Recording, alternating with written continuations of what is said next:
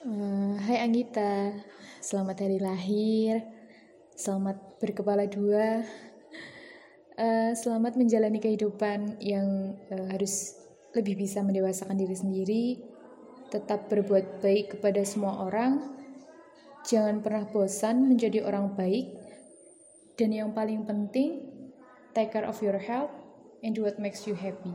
See you!